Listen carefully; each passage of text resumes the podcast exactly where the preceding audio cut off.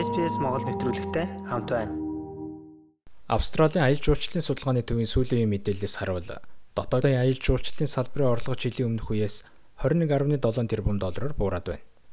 Үүний нөлөө нь Квинслендийн аяллаа хөтөж Марсина Кларк зэрэг аялал жуулчлалын бизнес эрхлэгчдэд маш хүчтэй мэдрэгдэх болжээ. Түүний хувьд аяллаа хөтчөөс гадна эрүүл мэндийн суурь асуудалтай хүмүүсийг амралт цовлын газруудад зуурчилж өгдөг бөгөөд ихэнхдээ польшоор ярьдаг хүмүүст үйлчилдэг гэнэ. Зарим нь өндөр насны асаргааны багцад, зарим нь халамжийн даатгалд хамрагдсан хүмүүс ч байж болно. Тэдний хувьд хор тавдартай ч байж болно. Эрүүл мэндийн олон асуудалтай ч байж бас болно. Эсвэл коронавирусээс айж дүгшүүрт авсан хүмүүс ч байх боломжтой. Тэдний хувьд гэртээгээ буюу түргэн тусламж, эмнэлэгтэй ойр байхыг л хичээж байна. Хэл хааж аялын хязгаар тогтоосны улмаас олон улс болон муж хоорондын аялал түр хугацаанд зогссон ч Кларкийн зарим үйлчлүүлэгчид гэр эрүүл мэндийн тусламжтай ойрхон аялыг сонгох хүссэн байна. Банк гэртээ байх нь мэдээж тэдний хувьд хэцүү байдалд оруулж байгаа учраас тэд хаа нэг газар явахыг хүссэн хിവэр байгаа. Тиймээс тэдний хувьд хагас өдрийн эсвэл бүтэн өдрийн далайн эргийн аялал зэрэгт сэтгэл хангалуун байна. Мөн тэжээвэр амьттай ойр байх төрлийн аялал буюу тэмээ аж ахуй, эсвэл ботаник, усан паркуудыг сонирхох жишээтэй. Энэ нь богинохан аялал хэдий ч хүмүүст ямар өөрчлөлт авчирж байгааг би харж чаддаг. Тэд эргэж ирэхдээ дүгшүүр дарамтаа ардаа гэж аз жаргалтай өөр нэгэн болоод ирдэг юм. Сар дахлаас өмнө аль хэдийн хөдөлгөөний хязгаарлалт орсон хүмүүсийн хувьд хүссэн хэдий ч аялах боломжгүй байх нь бий. Харин Third Age их сургууль нь тэрэгэн зэртэй иргэдэд зориулсан аялын курс санал болгоод 10 орчим жил болж байгаа. Тус сургуулийн ерөнхийлөгч Тони Апплин өөрийн биеэр хичээл ордог гин. Энэ бол яалтчгүй сонирхчийн төвчний зүйл л дээ.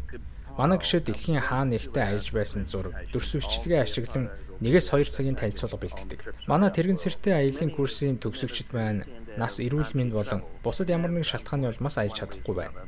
Тиймээс тэд аялж байсан. Эсвэл аялахыг хүсдэг газруудын талаар сонсож, үзэх нь тэднийг маш ихээр догдлуулан сэргээдэг юм.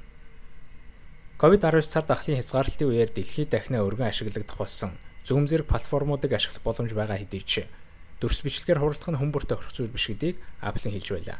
Үүний тод жишээ нь анги дүргэлт COVID-19 гарахаас урьдах үетэй харьцуулахад 30% буурсан байна. Зарим хүмүүсийн хувьд Zoom ашиглах нь төвлөрөхөд маш хэцүү байгаа гэж бодож байна. Танилцуулга эхлэхээс өмнө лайктаж, гараа даллаж, мэдлэг зэрэг нь зарим хүмүүсийн тийм ч амар байдаггүй. Мэдээж хэрэг ангидаа сууж бусдаа ярилцсан кофе ууж болдог байсантай харьцуулбал шал өөр зүйл юм. Өндөр насны асрамжийн газрууд виртуал реалити ашиглан тухайн хүний хүссэн газраар аялуулж байна. Тухайлбал Мельбурн дахь технологийн стартап Silver Adventures өнгөрсөн жилээс эхлэн энэ төрлийн үйлчилгээ үзүүлж эхэлжээ. 360 градусын хэмжээст хүссэн зүйлсээ үзэх боломжийг олгодог энэхүү технологи ашиглаж сурахад бага зэрэг хугацаа шаарддаг болохыг тус компани гүйцэтгэх захирал Colin Putsey хэлж байлаа.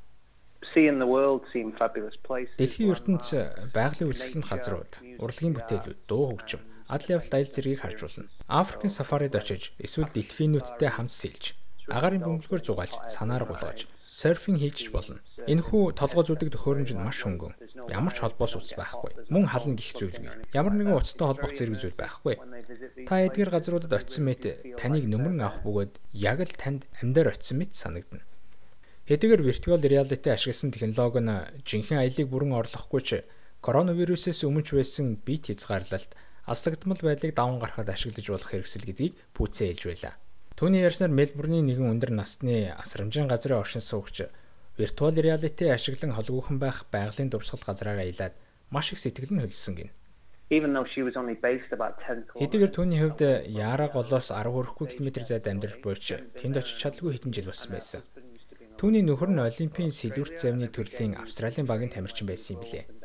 Тэгээд нөхөр нь Яра гол даган өдөр бүр дасгал сургалт хийдэг байхад өдрийн цагт төхөж өгдөг байсан дурхамж нь гинт түүнийг эзэмдсэн юм. Энэ бол яа харахгүй виртуал реалити гэдэг зүйл бидэнд аз жаргал авчирдгийн жишээ. Энэ нөгөө талаараа өндөр наснууд маань ямар хэмжээнд аслагдсан байдалтай байдгийг хэлж байна. Өгөр зогсохгүй хүмүүс өнгөрсөн үе рүү буцаж дундад зууны үеийн дэлхийн хамгийн том хөшөө хүртэл үзэх боломжтой гэдгийг Monash их сургуулийн виртуал анкер төслийн доктор Томас Чандлер тайлбарлаж байлаа. Та түүхэн төсөөллөөр аялж байна гэсэн үг. Бид нар бүх зүйл ямар байсныг яг таг мэдэхгүй ч зураглыг гаргахтаа бүхэл баримт их сурвалжийг ашиглан бүтээж байгаа. Явцын дундаа үнийг зас сайжруулж болох тул юун түрүүн тэр орчин таныг авчрах чухал юм. Ингэснээр та шал өөр танихгүй соёл, цаг хугацаа, дэлхийн булан бүрт харилцаа адилгүй дундад зууны хүмүүсийг харах болно. Орчин цагийн хүмүүстэй харьцуулахад маш өөр эдгээр хүмүүс нь нийгмийн талаас ч шал өөр юм. Энэ бол яг л хайгуул ихтэй адил. Яалчгүй бодит ертөнцөөс шал өөр. 2016 оны судалгаанаас харуул Австралийн жижиглэн худалдааны компаниудын 25% нь Ирэх 12 сарда багтаан virtual reality ашиглана гэж хариулж байж. Мөн бизнес эрхлэгчдийн талаас илүү нь өөрсдийн гэсэн гар утасны аппликейшн эсвэл вебсайтгүй гэдгээ мөн судалгаанд дурдсан байна. Өндөр хурдны интернет, өндөр хүчин чадал бүхий компьютер шаардлагатай болдог энэхүү virtual reality технологиг беби бүүмерсийн үеэс эхлэн бүх нийтээрээ хэрэглэдэг болно гэдэгт итгэлгүй байгаагаа доктор Чандлер хэлж байлаа. Энэ нь нэг талаараа технологийн хүртээмж асуудал юм. Хэдийгээр маш олон тооны хүмүүс интернет ашиглаж байгаа ч виртуал реалитигийн төхөөрөмж толгойдоо өглөнө гэдэг шал өөр зүйл юм. Ирэх 10 жилд энэ технологи нийгэмд маш их өөрчлөлт авчрах болно. Гэвч гэртээ төхөөрөмжгүйгээр хэдэн хүн виртуал реалитиг сонирх вэ гэдгийг хэлэхэд хэцүү байна. Ямар арга хэрэглэх нь хамаагүй. Ковид сар дахлын үеэр ямар нэгэн байдлаар гэрээсээ гарах нь сэтгэл зүйн эрүүл мэндийн талаас өргөөжтэй гэдэгт Кларк итгэлтэй байна. Гэрээс гарах нь маш чухал зүйл юм. Хүмүүс гэртээ гацчихсан. Ихэнхдээ коронавирусын талаар сөрөг мэдээлэл аваад сууж байна. Хүмүүс гэртээ аюулгүйч хэвшмэл зүйл гэдэг өөр юм. Австралийн ахмад наснуудын үндэсний төвийн 2019-ны судалгаанаас харуул тухайн байгууллагын гишүүд болох 50-аас 90 настай хүмүүсийн дунд хийсэн судалгаанаас харуул 70 орчим хувь нь ямар нэгэн байдлаар өдөр бүр интернет хэрэглэдэг бөгөөд 40% нь Facebook ашигладаг гэсэн дүн гарсан байна. Үүнтэй адилхан бусад нэвтрүүлгийг сонсомоор байна уу? Apple Podcast, Google Podcast, Spotify зэрэг та өөрийнхөө сонсдог апп ашиглан манай нэвтрүүлэгтэй хавд байгаарай.